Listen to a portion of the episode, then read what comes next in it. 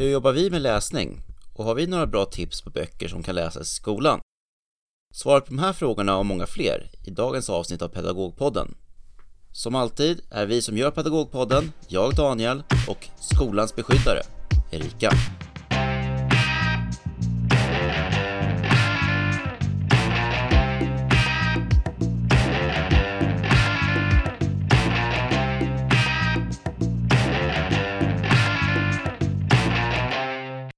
Avsnitt 4.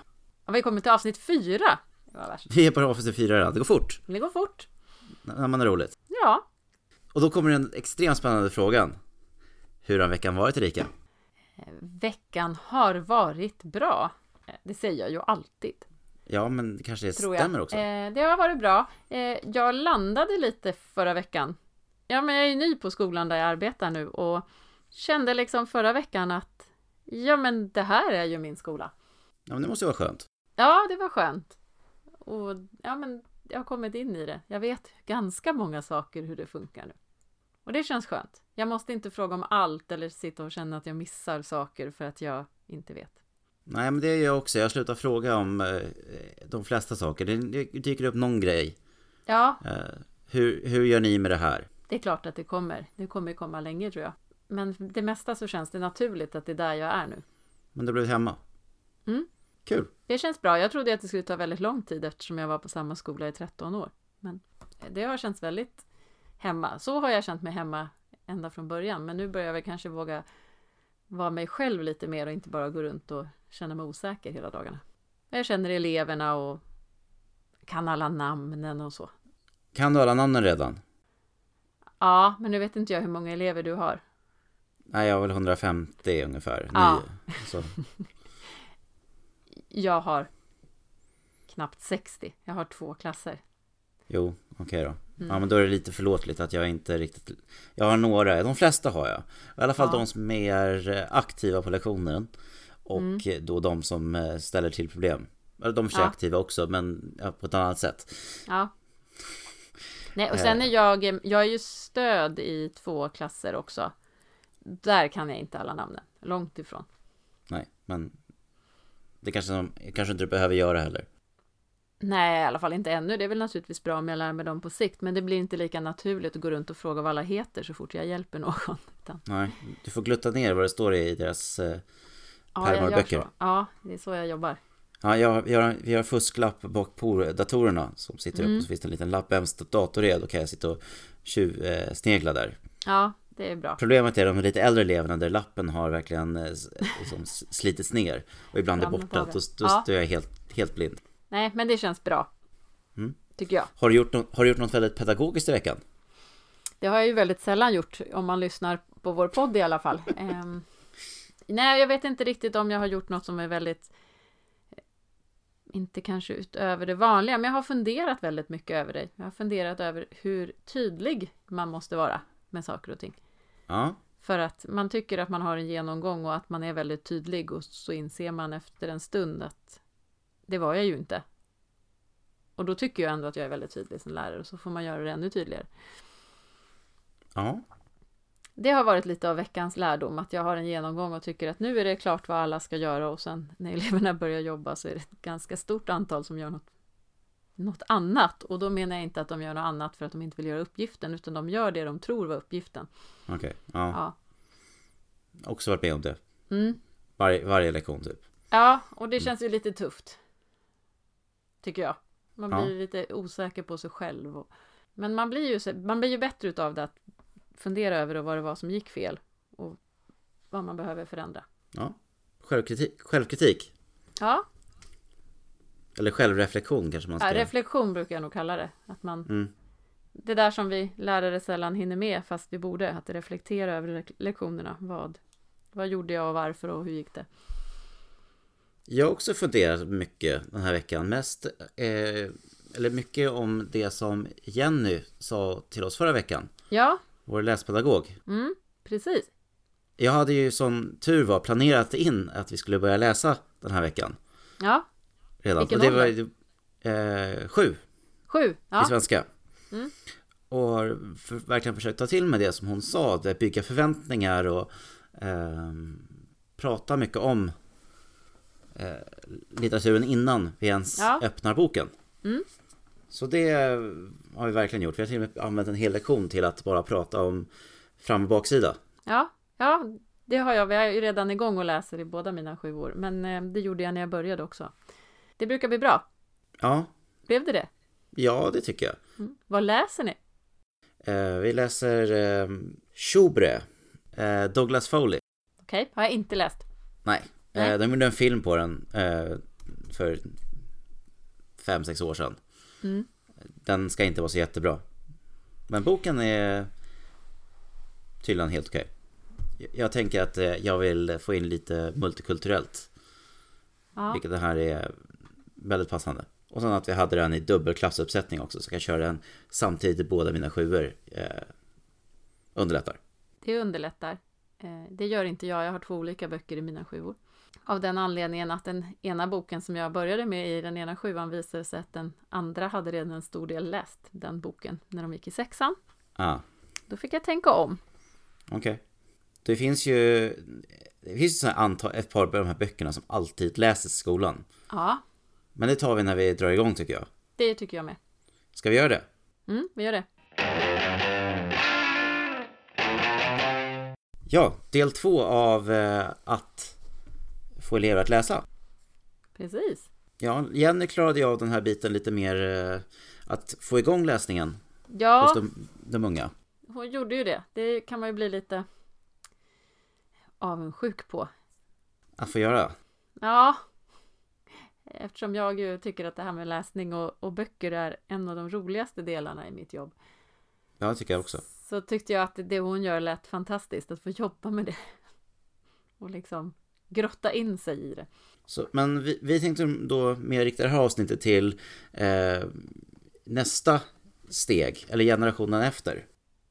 Ja, De som kan läsa men inte kan, vill, eller hur man ska, vi lärare ska tänka lite. ja, och vi flyttar in i, i ett eh, vanligt klassrum, alltså med en hel klass och inte bara en eller några elever. Det Exakt. blir lite annorlunda sätt att tänka när man har 29 elever. Vart börjar vi? Ja, var börjar vi? Jag tycker det, just att vara en bra förebild är mycket. Ja. Och jag märker ju en enorm skillnad på där det finns hem där föräldrar läser väldigt mycket Absolut. Och de som inte läser överhuvudtaget. Ja, Det smittar av sig. det smittar väldigt mycket. Jag tror att det är... Jag vet inte, jag pratade med några om det här inför, eller om det här ämnet. Om just hur man gör som förälder och jag tror att det är nästan ett tips till föräldrar. Det är att läs själv. Så att barnen ser att man läser. Mm. Och prata positivt om det. Ja. Inte bara det här läsa eh, godnattsagor, det ska inte sluta där utan det ska ju Nej. att även alltså, ser barnen föräldern läsa i vuxen ålder för sig själv. Ja, Det kommer också att ge ett inflytande. Jag tror nästan att det är det som är det. Ja, eh, nej, nu ska jag inte. Jag tror ju på att man ska läsa högt för sina barn. Men jag tror att det är jätteviktigt att man fortsätter och visar att man läser själv som vuxen och att man tycker om att läsa och att man kanske pratar om. Just nu läser jag en så himla bra bok. Jag måste gå och läsa ut den eller någonting. Man, Mm. Jag tror att det smittar, att man växer upp och, och hör det och ser det. Ja. Då kanske ska jag prata om också varför det är så viktigt att läsa. Ja, och därför att läsningen är grunden till allt. Du, du måste kunna läsa. Ja, sen det måste, alltså det, det kommer gynna dig i alla ämnen Ja, eh, och inte bara i skolan utan även i eh, en framtid. Ja. Eh, att du kommer, alltså ja, är du inte läskunnig och har eh, möjlighet att, an, att, eh, att ta in nyheter till exempel. Då Ja. kommer du inte kun, kunna vara del i samhällsdebatten och ja, utöva demokratiska rättigheter till fullo. nej precis. Om vi, om vi liksom tänker så långt så är det ju eh, en... Det är ju viktigt för demokratin att vi kan läsa och ta till oss den information som vi behöver för att demokratin ska fungera. Mm. Men eh, jag tänker att man hör ibland att någon säger att nej men det där med svenska, jag gillar inte att läsa så det är inte så viktigt vad jag får för betyg i svenska. Men just att det faktiskt fortsätter i alla ämnen. Att, eh, tyck, har du svårt med läsförståelsen så kommer det märkas i alla skolans ämnen. Oh ja. Eh, så att det är ju grunden. Det är så viktigt att det borde vara det viktigaste av allt nästan.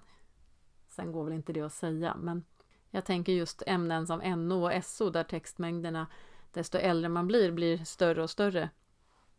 Ja, det, då blir det definitivt en överlappning ja. mellan eh, att ja, inte bara förstå ja, naturvetenskapliga ja. begrepp till exempel. Du behöver ju även förstå allt runt omkring för att kunna greppa dem. Och det är otroligt faktaspäckade texter där det inte går att missa egentligen en mening för då har du förlorat betydelsen av det du läser. Så att det är ju oerhört viktigt. Men jag hävdar ju att man ska jobba med läsning och med texter i alla ämnen. Och det gör vi väl för det mesta? Ja, fast jag tror, och det är väl kanske en förändring som har skett de senare åren, att man börjar förstå vikten av att inte lämna en elev ensam med en text. Bara läs sidan 20 till 25 och svara på frågorna. Eh, utan att man behöver arbeta med själva texten. Hur är den uppbyggd? Vilka ord finns det? Vad, vad kan bli ett problem? Eh, och jag tror inte att det är så. Att det är en självklarhet ännu. Jag tycker egentligen att alla skulle undervisa i lässtrategier, ja. Ja, alltså det, jag håller med dig. Det är ja. helt rätt att i alla fall att de, de borde få en större del kanske. Eh, lästräning, eh, alltså faktasökande. Ja. Hur tar du till dig en faktatext som är helt ny för dig? Fast det säger jag inte, inte då bara för att, att faktatexter är de viktigaste utan Nej. Jag, skönlitterära texter har en enorm vikt också. Ja. För att förstå uppbyggnad, eh, karaktärsdrag, kunna tolka situationer. Ja. Jo men så är det ju. Men jag tänker att det är sällan man läser en skönlitterär, skönlitterär text i biologin. Nej, tråkigt nog. Ja, tråkigt nog. Det, men eh, jag kan tänka mig att det går naturligtvis att hitta sådana texter, men att tiden inte räcker till. Till det. Nej. Så hur gör jag för att arbeta, tycker du? Med läsning i klassen alltså?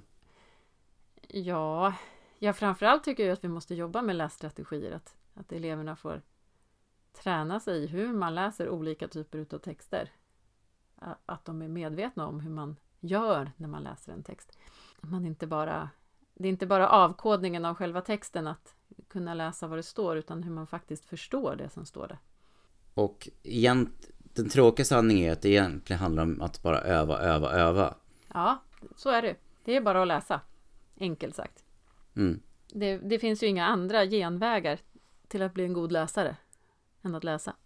Nej. Hur ser du på det här då? Eh, tvinga, eh, tvinga fram läsning. Hur, det gör vi ganska mycket i skolan. Det gör vi, det gör vi ju hela dagarna. Eh, vi tvingar eleverna att läsa ett skrivet tal på mattelektionen och sen tvingar vi dem att läsa en instruktion i något annat ämne. Och sen kommer man till svenskan där man tvingas att läsa skönlitterära texter. Eh, kan vi komma ja. bort från tvånget? Det är lite det jag ville... Jag tror inte att vi kan komma bort ifrån tvånget, men vi kan gö försöka göra det så lustfyllt som möjligt, tvånget. Gen ah, genom att tänka till kring val av texter, hur vi arbetar med texten ja, och så vidare. Tvånget, det går inte att säga att nej, men det är frivilligt att läsa. Nej. Det kommer vi aldrig kunna. Och viss mått av tvång tror jag att det måste vara för att idag är det, det blir färre och färre elever som läser av fri vilja, eh, upplever jag i alla fall. Och då blir det ju ett tvång. Sen kanske inte ett tvång i att jag tvingar dem att läsa just exakt den boken. Men att man måste läsa, det måste man. Elever läser ju definitivt mindre nu än vad vi gjorde för 20-30 ja. år sedan. Det ja. Jag tror inte det är någon som motsäger sig det. De läser också väldigt annorlunda än vad de gjorde för 20-30 år sedan. Ja, det gör de. Och tyvärr tror jag att det, det har flyttats mot kortare texter eh, och möjligtvis inte så himla stor skillnad ord, antal ordmässigt. Men definitivt Nej. är det mycket mer upphackat. Och ja, det är det. Vilket såklart då skapar problem i alla de här läs, när man tänker lässtrategier. Att ja. eh, du inte kan se det större sammanhanget. Nej, Och det är väl det som gör att det också blir svårt när vi i skolan då säger att nu ska vi läsa en hel bok och jag upplever att det ofta är så att efter några sidor så säger eleverna att men den här boken var inte något bra och så försöker jag förklara att oftast är en bok så att det, det händer inte så mycket i början för det är mer en presentation av vilka som är med i boken och, vad, och så vidare. Men att de lägger bort den efter bara några sidor och säger att det här var inte bra för att man orkar inte ta sig igenom den längd som krävs. Mm. För att fastna i karaktärerna. Nej, och det ställer ju andra krav på vilka böcker vi läser. Ja, det här, det här är ju faktiskt väldigt eh, positivt Shobre som vi läser. Ja.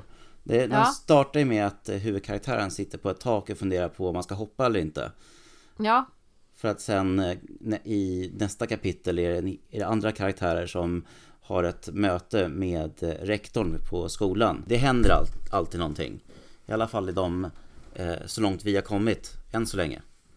Ja. Så att intresset är inte nedtappat än, men det är kanske mer ja, har att göra med eh, tempot. Ja, jag läser ju två böcker som kanske... Ja, den ena boken jag läser är en sån bok som jag tror att ja, inte alla skolor läser, men nästan alla, alla skolor. Och det är boken I taket lyser stjärnorna. Ja. Och alla bör läsa den. Den, ja, och där fastnar ju eleverna ögonblickligen. Mm. Eh, hittills har jag inte hört en enda elev som inte vill fortsätta med boken utan det är snarare varje lektion ska vi läsa. Så att det, det går ju att, att hitta böcker. Och i den andra sjuan så läser jag En sekund i taget som också är uppbyggd med att alla är döda, sidan ett, utom en person. Eh, då fastnar också eleverna. Kan man säga att egentligen att eh, Johanna Trudell-böckerna är väldigt bra att ha i skolan? Ja, eh, än så länge upplever jag det, att det är ett tips. Man kanske tänker att ja, men den här boken börjar få några år på nacken och tänker, och, och visst, det märks ju, men det blir intressant att diskutera med eleverna. Att hur märker vi att det har gått några år sedan den här boken skrevs? De tycker att det är ja, en intressant diskussion. Ja. Så att det är en rekommendation. För alla hennes, alla hennes böcker är väl ganska, ganska jobbiga teman? Ja, och, men det passar åldern. Ja, det gör den visserligen. Tycker jag. Mm. Mm. Som i alla fall det jag upplever är att elever i den åldern som vi undervisar har ju mycket funderingar. Och är inte rädda för att prata om dem, utan vill ju gärna, de törstar nästan om att prata om svåra ämnen. Tycker inte man ska vara rädd för det. Våga det och att kanske våga erkänna själv att jag tycker det här är lite jobbigt. Det skapar också ett engagemang problematiken i hennes böcker kan väl många relatera till också. Många känner ja. säkert någon som är i en liknande situation, behöver inte exakta, men någonting som... Nej, men det är en hög igenkänningsfaktor eh, på många sätt. Eh, även om, i, ta, som i Taket lyser stjärnorna, så är det inte alla som har en släkting eller framförallt inte en förälder som har varit sjuk i cancer eller någon annan sjukdom. Men det finns så mycket annat som de känner igen sig i. Att de fastnar direkt. Och jag frågade efter vi hade första gången vi hade läst vad de tyckte och då fick jag just många kommentarer om att de tyckte om boken just för att de kunde känna igen sig i den och att de kände att det var frågor som var viktiga för dem att diskutera. Och det är ju ett väldigt bra betyg. Mm. Till boken. Ja, definitivt. Ja. Men den, den är ju vunnit att... massa priser också, jag förstår ju varför. Ja, ja. Ja, man förstår varför. En annan sån här bok som verkligen verkar vara något som alla läser eller har läst är Alex Dogboy. Ja. Ja, och det är väl samma sak där tänker jag. Att det, de är skrivna på ett sätt som väcker känslor ganska enkelt. De är så kraftfulla känslorna i böckerna att, att de går fram. När, när brukar du introducera den boken? Alex Dogboy, mm. jag brukar läsa den i sexan. Det verkar vara lite också standard. Ja, det, det tror jag. Att det är många som har läst den i, i år 6. Vi, vi har nämligen den i vårt eh, bokarkiv, men de säger, den, den står dammig just nu, för den är alltid läst när eleverna kommer till oss i sjuan. Ja, det är nog så. Tyvärr, jag tror att det är många som läser den i, i sexan. Och jag kan tycka att det är sorgligt, för jag tycker om att läsa den. och, och, då ska jag säga att jag har läst den ganska många gånger. Ja, Men jag har ju, om man tänker år 6 eller eh, ja, i sjuan också, så har jag ju en annan liten personlig favorit. favorit Kensukes rike. Ja, den brukar du köra. Som också, ja, den är, är nästan ännu mer en personlig favorit. Och jag tror att sånt är viktigt också. Nu vill jag inte säga att det är liksom att jag är viktig på det sättet, men jag tror att visa läraren att de verkligen tycker om boken, att det här tycker jag om att göra, så skapar det också att eleverna känner att det är viktigt, det vi läser. Oh ja. Jag, eh, går man in med, för, med full energi så det kommer smitta av sig på någon i alla fall, i alla fall en förväntan till att börja med tills de inser att, ja. eller att fattar en egen åsikt. Ja, sen, sen brukar man ju kunna tappa det mot slutet av boken, men ja, då har man i alla fall kommit en bit på väg. Ja.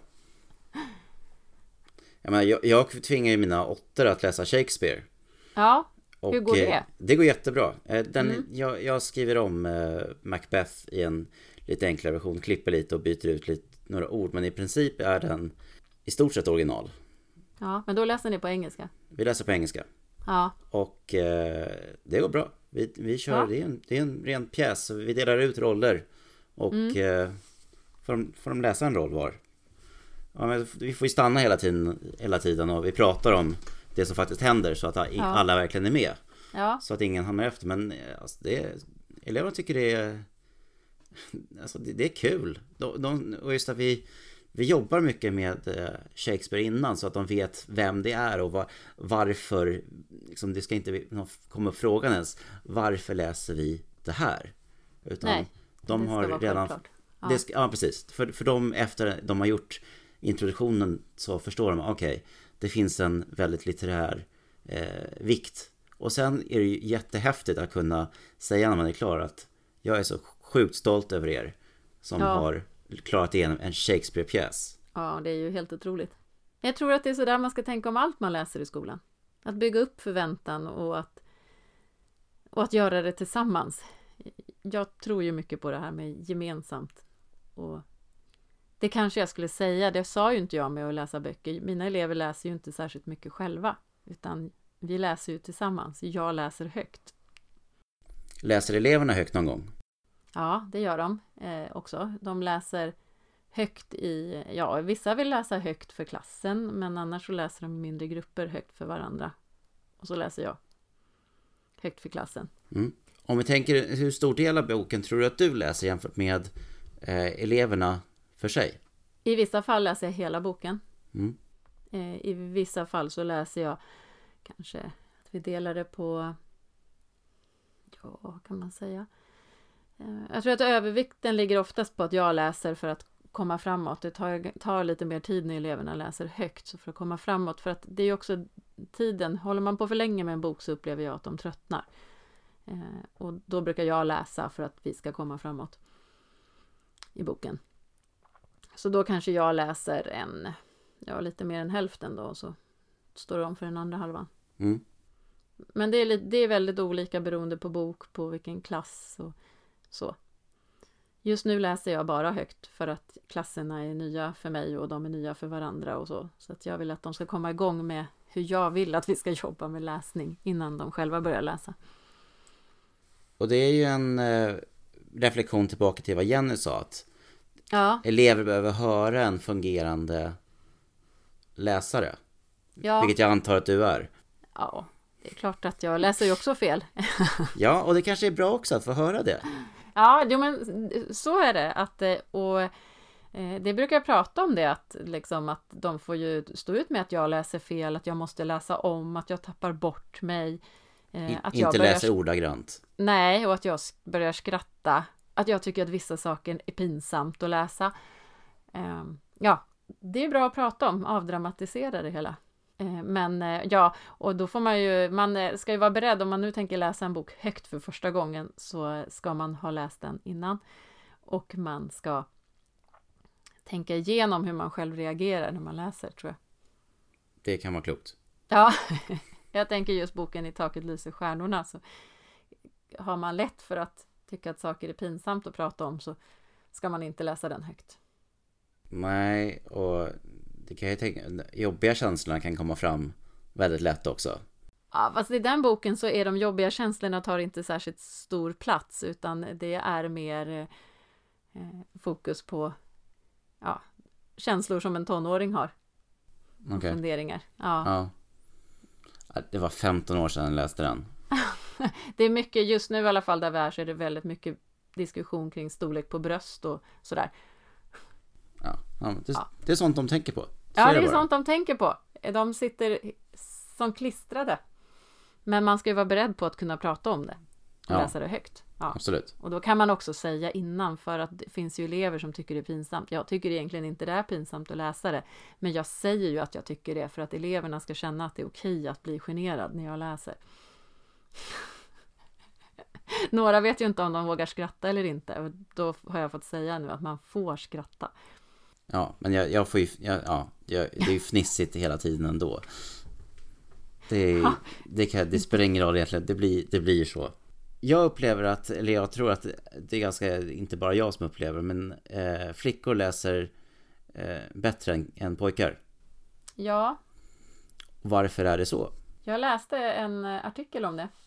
Eh, så det kan låta, det kan man ju fundera över. Men eh, den artikeln jag läste gick ut på mycket att vi uppmuntrar kanske framförallt läsning i skolan som, eh, om man nu ska generalisera då, att eh, som fler flickor känner sig lockade utav. Att vi har den typen utav böcker. Och den typen utav böcker som vi på något sätt tycker är bra. Det kan ligga Jag något vet i det. inte om det stämmer, men det kan ligga någonting i det och att också att det fanns denna just aspekten att vi är tyvärr fler kvinnliga lärare. Jag tänkte också precis samma sak. Ja, och att det påverkar. För det är klart att hur jag än försöker så påverkar ju min blir, påverkas ju jag utav mig själv när jag väljer en bok. Ja du, ja, du kommer inte välja en bok att läsa i hela klass om du tycker är eh, mindre underhållande eller berör Nej. ämnen som inte du har, kan relatera till överhuvudtaget.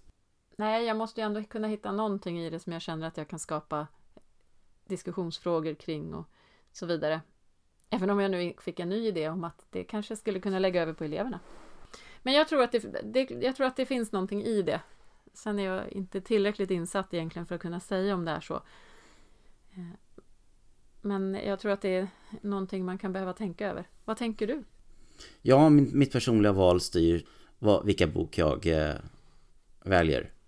Ja, Om vi bara, vi tar senaste exemplet igen, Schubrö. Jag, jag valde den för att jag var intresserad ja, av, med, av ren, ja, eh, jag vill, av, en, av en ren tanke. Jag ville få in, få in en annan eh, kultur än vad eleverna i den här skolan kanske upplever annars. mm.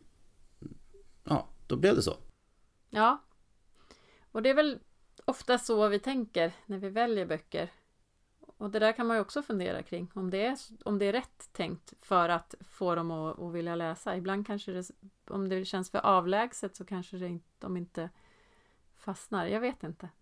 Mm, Det, det, är- det är problematiskt vilket håll det gör det, men eh, jag, jag tror ändå det finns en ganska stor vikt i att eh, folk får uppleva andra eh, Ja. verkligheter än en egen, ens egen. Ja, det, jag har ju alltid tänkt att det är det min, som är min roll som lärare just vad det gäller läsning. Det är att det visar på litteratur som de själva inte väljer. Precis, så får de, får de välja den vid egen hand. Ja, det andra, andra läser de ju ändå om de läser. Så att jag vill ju försöka ge en annan. Nej, men visa på bredden i litteraturen. Mm. Får dina elever någon gång välja eget, egna böcker att läsa? Ja, det brukar de få göra. Ehm, någon gång. Det där har varit väldigt olika. Jag har jobbat jättemycket med att de väljer egna böcker och läser. Jag har också jobbat med att inte ha det utan bara bestämt själv. Jag tror på en blandning för att det finns elever som väldigt gärna vill välja själva och jag tycker att de ska få göra det. Men det, är, det ger ju större utmaning för mig eftersom jag vill att vi jobbar gemensamt med texterna och då har jag plötsligt 25 olika böcker i klassrummet. Men det går med ju. varierande längd också. Ja, precis. Vilket kommer innebära att några blir klara väldigt tidigt. Ja, och några inte. Och några blir aldrig färdiga med sin bok. Nej. Och det blir också ett dilemma. Vad gör jag? Och några ska byta bok tio gånger och ja, Jag tror att det också ett stort problem är det här med eh, alltså, bänkbok. Vilket kan Ja. Mm. vara ett bra alternativ att ja men nu har vi tio minuter över, du jobbar väldigt fort, du kan sätta dig och läsa ett tag. Nej. Jag skulle säga att det, det, på ett sätt är det bra. Men Ja. på ett sätt så blir det ju verkligen det här, eh, ja det blir inte, du arbetar inte med texten någon gång.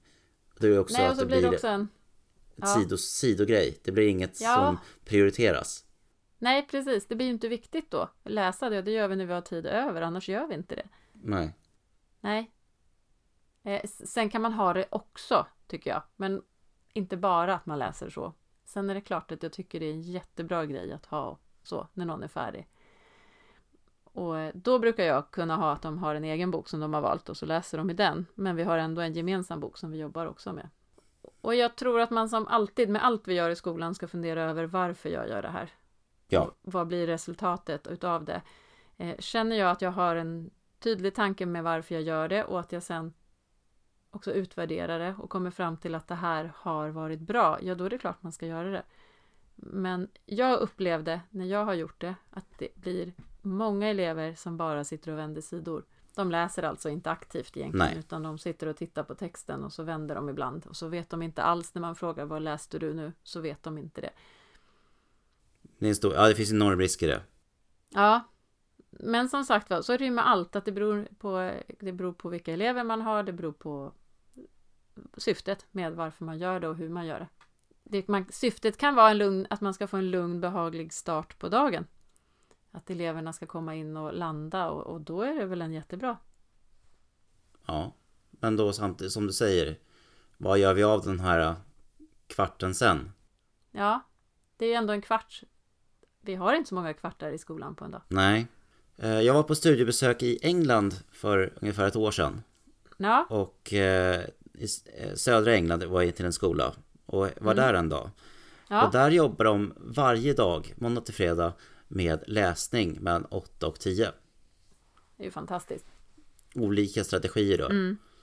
Jag ska flytta till England. Ja, Ska lära mig engelska ja bara. det, det, det är så många andra fel med det skolsystemet. Men, det, men just den grejen var faktiskt eh, helt fantastisk. Och det var verkligen just läsning. Det var inte, nu ska vi inte jobba, vi ska inte jobba engelska utan vi ska jobba... Nej, vi ska läsning. Ja. Det vill jag göra. Mm. Kan vi, kan, kan vi inte förlänga den skoldagen i, i Sverige? Vi har inte så långa skoldagar. Vi lägger på en timme varje dag så jobbar vi med läsning. Fast de hade inte heller så långa skoldagar egentligen. Men de ägnar ju samtidigt Ja. eh, liksom en timme, sen var det en timme matte. Sen var det en timme någonting annat ämne, lunch. Efter lunch var det, en fys- var det typ fysisk aktivitet eller estetisk verksamhet. Mm. Eh, och sen avslutar de med en samling där de ändrar hela skolan samlas. Och ändå så visar de upp elever upp saker eller så pratar de om vissa ämnen eh, som behövde lyftas i, i skolan. Ja, men, det var, men ja, utav ändå den ganska stressiga dagen så kunde två timmar läggas åt eh, läsning och lässtrategier. Jag tror ju, det skulle ju naturligtvis gå att man gjorde det. Eh, Jag tänker att det beror väl på vad vi väljer för texter att läsa också den där tiden. Ja, jag var ju bara där en dag så jag kan Ja, inte säga... vad läste de? De läste i en... De läste lite olika grejer, men de läste främst eh, en tidning som var speciellt anpassad för just den åldern. Ja, de jobbade med texten. De läste artikeln, de, hittade, de hade verkligen de hade en mall de gick efter att så här jobbar vi. Så att eleverna visste hela tiden att jag ska göra det här och sen det här. Sen, sen så skrev de en sammanfattning. Eh, jag minns inte mer, men Nej. det var det var häftigt att se i alla fall för det var så automatiserat och ändå kändes det som att eleverna tog till sig av det. Ja, jag får åka till England på studieresa. Ja, det rekommenderar jag. Det är väldigt, Ja. det är väldigt intressant. Det är det som är tacksamt om de har, eftersom de har lov på andra, eh, Andra tider. andra tider än vi har. Man kommer lätt dit om man skulle vilja.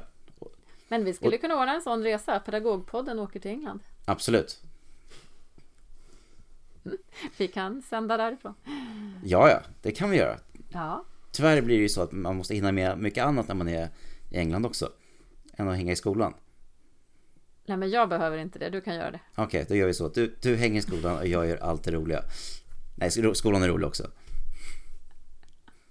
Jätteroliga. ja. Vi kanske kan göra det roliga på helgen. Ja, det kan vi också göra. Men som sagt, det, Det, andra det, roliga. ja, Äh, det var inget problem att hitta skolor ens att eh, besöka. det. Så de är, det var ju in, ja, det är bara att göra. Tar man kontakt är allt all, folk alltid glada att se och få idéer. Men de Ja, lyssnar ju så är det ju. Ja. Det är det väl själv om någon frågar om de får komma och hälsa på dig säger ju inte du nej. aldrig. Nej. Nu känns det som att vi kommer in på ett ganska ordentligt sidospår. Ja, nu har vi kommit verkligen, nu har vi tappat. Det är dags att sluta. Ska vi tänka lite på, eh, om vi ska kon- konkretisera lite, tips? Eh, ja, nu utgår vi väl ifrån att man jobbar i skolvärlden. I alla fall majoriteten. Om vi tänker, om vi tänker tips för, för kollegor. Gör läsningen till en upplevelse, inte bara läsa. Och, och våga låta det ta tid, läsningen. Man har igen det. Och ja, jag säger ju alltid att man inte ska lämna eleverna själva med texter. Jag tycker ju, det finns ju något sånt här citat som säger att du har inte läst en bok förrän du har pratat om den. Nej, det kan, nej den, den stämmer. Och så är ju vi eh, många, det finns ju många vuxna som inte alls jobbar i skolans värld som är med i bokcirklar och läser tillsammans och pratar om det.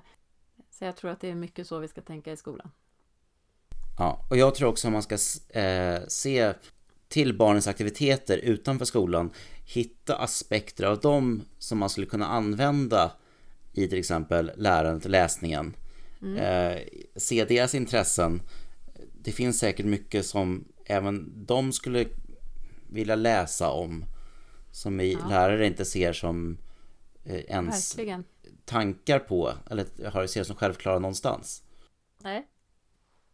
Det är nog en, det är en bra sak oavsett om det gäller att vi ska läsa en hel bok eller texter att arbeta med att välja texter som är intressanta för eleverna, som tar upp ämnen som är intressanta för dem. Inte glömma bort att använda deras fritidsintressen. Nej. Och man kanske hittar personligheter inom deras intressanta världar som säkert Ja. har skrivit saker. Ja. Eller läsa om dem. Ja, jag tänker, min första tanke blev eh, Counter-Strike-profilen Heatons självbiografi. Ja. Det är ett spel som intresserar många, jag vet att många av mina elever spelar. Ja. De, de, kan, de kan säkert hitta, jag menar, det är mycket där i som är av litterär vikt. Absolut. Det är det. Och bara att det är ju, att få läsa en självbiografi, det är en genre som vi inte berör speciellt ofta i skolan heller. Nej. Nej. Jag har personlig erfarenhet av en 14-åring som läste den med glädje. Ja, precis. Som inte annars gärna läser. Och att det är må- många andra, det finns ju andra, alltså hittar du musik så finns det också biografier där som är, Ja. eh, Det gör det och och ska man tänka så så kan man tänka också tidningsartiklar eller andra texter på nätet. Det finns ju mycket texter på nätet att använda idag som också är bra. Så att eh, ja, verkligen att tänka till. Att man faktiskt också tänker valet av text. Att det inte bara ska vara en text som råkade finnas i en bok eller i en hylla eller så. Utan varför valde jag just den här texten? så kanske vi, vi som lärare behöver bli eh, lite mer öppensinnade också. Det är inte bara eleverna som Ja. kanske har blivit sämre. Nej, verkligen. Så är det. Ja. Hade du något mer som du ville tillägga? Nej, nej, all läsning är bra läsning. Bra kloka ord igen. Jag brukar säga det till mina elever. Läs hellre baksidan på mjölkpaketet än- inte alls. Super. Mm. Men då så. Då har Ja. vi veckans fråga. Ja! Favoritpunkten? Jag tror det är min tur att läsa till och med. Ja, jag tror också det. Eh, Jag har fått lite olika bud om extra språk. Typ franska och spanska i högstadiet. Varför kan man inte bara strunta i det? Och ta extra engelska istället, vilket också är ett alternativ. Ja, det här var ju din fråga också. Tycker jag. Ja, det här är Eftersom lite... du är lärare i engelska, jag är lärare bara i svenska. Ja, eh, visserligen, det som, de pra- eh, som frågan pratar om är just att man eh, kan välja bort att läsa ett modernt språk. Till exempel Ja. franska, spanska, tyska och så vidare. Ehm, och istället då ägna extra tid åt att läsa extra svenska engelska som det brukar Ja. heta. Precis, det är så det brukar vara. Mm. Ja, för att till exempel rädda upp ett eh, betyg där. Eftersom du, Ja. måste ha, du måste ha godkänt i svenska, engelska och matte för att kunna eh, söka, en- söka en nationell gymnasielinje. Precis. Och eh, det är väl, och då kan det ju vara, då är det ju naturligtvis en bra idé att göra det. Absolut. Det finns ju lite två aspekter av det här. Ett är just skolan och meritvärdet. Meritvärdet är det du söker in på gymnasiet. Den blir ju automatiskt mindre om du, om du väljer bort ett ämne. Då har du helt plötsligt ett max på 320 poäng istället för 340. Vilket gör det, så, ja, det gör det såklart det lite svårare att ta dig in vart du nu vill. Sen har den här också aspekten att du lär dig ett språk mindre. Även om du inte lär dig språket jättebra eller inte ens speciellt bra så har du ändå tagit till dig vissa språkkunskaper inom det som kommer, som kommer att gynna dig eh, inlärandet av ditt huvudspråk. Du kommer i alla fall reflektera över dem. Också ett tillfälle, även om man inte bara, man lär sig ett språk till och men man möter också en eh, kultur. Eh, jag tycker att det är kanske är det som jag själv mest tog med mig från det här andra språket man läste. Det var att få lära sig om, jag, jag som läste franska, hur, ja, vilka länder som talar franska, hur är det i de länderna, hur lever man där och, och så. Och det missar man ju då. Och sen är det ju faktiskt så, det- även om du säger att du inte har lärt dig någonting under det här, de här kunskaperna kom, kommer du kunna väcka till liv till viss del i alla fall, eller klara dig om du skulle turista någonstans där det här språket pratas. Det har jag varit med om som har läst italienska och sa att jag inte kunde ett enda ord italienska men eh, när det blev stopp i duschen och rörmokaren bara pratade italienska så ja, det gick ju. Ja. Mm. Så det finns både flera aspekter av det här. Ja, men jag kan ju tycka att eh, mer engelska hade ändå inte skadat. Jag vill Nej. ju tydligen ha mer av allt idag. Ja, Ja, men Som ja, som engelsklärare så definitivt. Eh, ja du mer, håller med mig. Mer engelska. Ja. Jag kanske ska börja jobba med att få bestämma hur den svenska skoldagen ska se ut istället. Det tycker jag som är en bra idé. För inleda politisk karriär istället. Ja, jag ska göra det. Men, eh, ja, då så. Men då säger vi tack för idag. Ja, slut för idag.